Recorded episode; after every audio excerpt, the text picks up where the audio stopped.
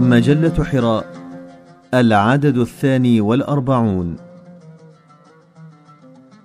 زهرة اللالة الخدمة من ذاق عرف.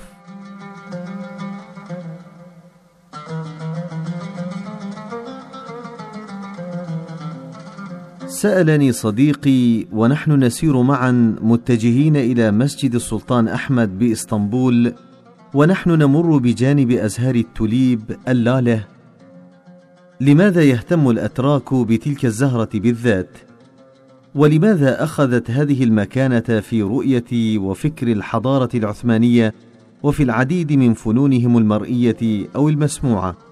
وكأن هذا الصديق أراد أن يقول لي إنها زهرة كأي زهرة أخرى فلماذا تلك المكانة والأهمية؟ قلت له نعم أخي العزيز هي زهرة ولكنها ليست مثل باقي الأزهار كما أنه يوجد رجال ولا كأي رجال.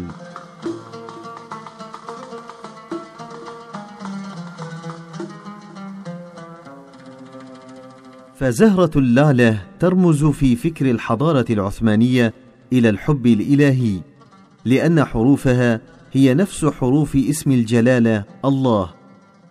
من هنا نجد انتشار استخدامها في فنون الحضارة العثمانية بأشكال متعددة ومتنوعة. فيمكن أن تجدها مرسومة على بلاطات من السيراميك بأسلوب فني راق أو منسوجة على قطعة من القماش معلقة على الحائط أو على بساط مفروش على الأرض أو معنى مستلهما في قصيدة شعر أو في لوحة فنان تشكيلي. لقد وجد فيها من عرفوها رمزا للصدق والصفاء والوفاء والعطاء. لقد أضحت ملهمة لأصحاب القلوب الرقيقة والعقول المنيرة فتجلت في أعمالهم رمزا للإيمان وحبا للجمال. فهل فهمت أخي وصديقي العزيز؟ إن بعض الرجال يشبهون زهرة التوليب اللاله في كونها رمزا للعطاء والإلهام. فكما أن ألوانها مختلفة فمنها الحمراء والصفراء والبيضاء فهم أيضا مختلفون في درجة الغنى أو الثقافة أو المكانة الاجتماعية. ولكن يجمعهم كلهم مشروع إيماني دعوي واحد ألا وهو الخدمة. والخدمة لمن لا يعرف هي جوهر المشروع الدعوي للمرشد والمربي هجا أفندي أو الأستاذ المعلم محمد فتح الله جلن. أي خدمة الإيمان والقرآن عن طريق رجال وفرسان الخدمة ولا سيما رجال الأعمال الذين يطلق عليهم الأصناف الذين يقومون بالعديد من أعمال الخير التي أمر بها الإسلام كبناء المدارس والجامعات والمستشفيات أو بكفالة طالب علم أو بإطعام يتيما ذا مقربة أو مسكينا ذا متربة.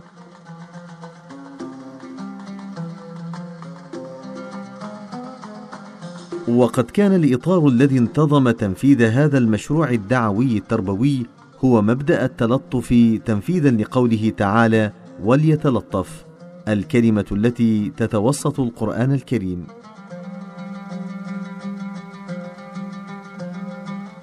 التقيت ببعض هؤلاء الأصناف خلال زيارتي لإسطنبول وبورصة فيحكي أحدهم مشاعره الإنسانية وهو ذاهب في إحدى المرات إلى جلسة من جلسات الهمة وفيها يلتقي المنفقون في سبيل الله للتباري بالمنح للطلبة أو في جمع الأموال للإنفاق في أوجه الخير المختلفة فيوضح حديث النفس الداخلي بالتعلل بعدم استطاعته المشاركة إلا بقدر يسير من المال.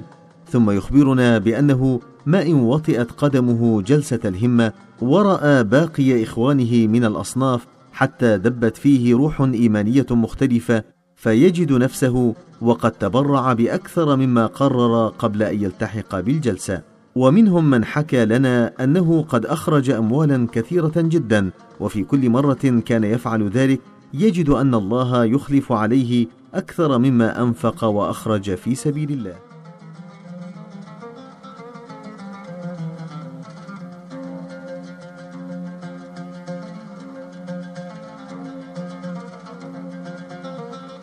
أما الأستاذ حسن نعم فأنا أتذكر اسمه جيدا ربما لأنه كان يبكي وهو يروي لنا ما حدث له في عيد الأضحى بإحدى السنوات الماضية حيث خرج من تركيا ذاهبا لقضاء العيد في إحدى البلاد الأفريقية هو ومجموعة من الأصناف.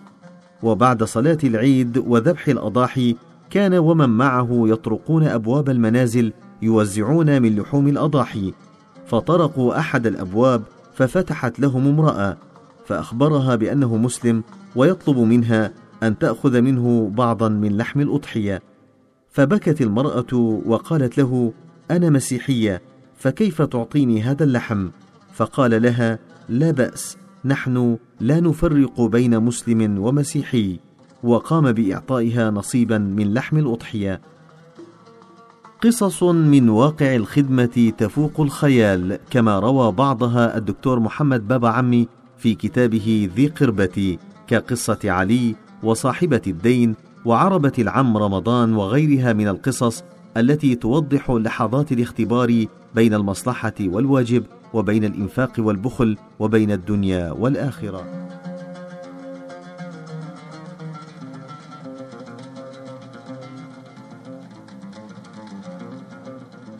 لقد شاهدت بعيني العديد من المدارس والجامعات في إسطنبول وبورصة وكذلك في تيرانا عاصمة ألبانيا والتي تعتبر أزهارا وثمارا لمشروع الخدمة وهي أيضا ليست كالمدارس العادية التي نشاهدها في أماكن أو بلاد أخرى فقد جمعت بين تعليم اللغة العربية والقرآن الكريم إلى جانب أحدث المعارف الإنسانية. وعندما سألت عن عدد تلك المدارس أخبرت أنها تزيد عن ألفي مدرسة تنتشر في حوالي 160 دولة بقارات المعمورة المختلفة.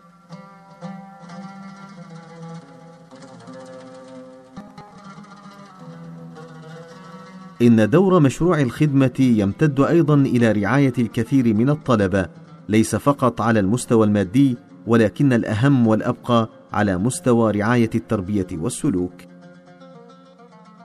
رأيت مشهدا بسيطا من مشاهد تلك الرعاية والعناية عندما دعيت أنا وبعض الزملاء لتناول وجبة العشاء في شقة يقطنها بعض طلبة الجامعات بإسطنبول في إطار مشروع الخدمة.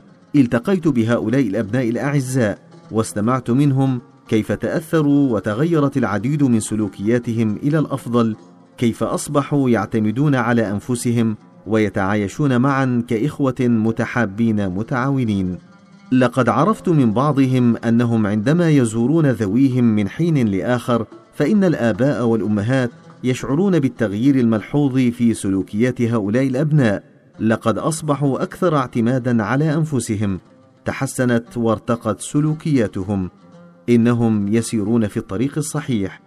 نسيت أن أقول لكم إنني في تلك الليلة الممتعة مع هؤلاء الأبناء أكلت طعام العشاء وهو طبق المقلوبة المعروف في تركيا وكانت دهشتي أن تلك المأدوبة الرائعة كانت من صنع أيديهم.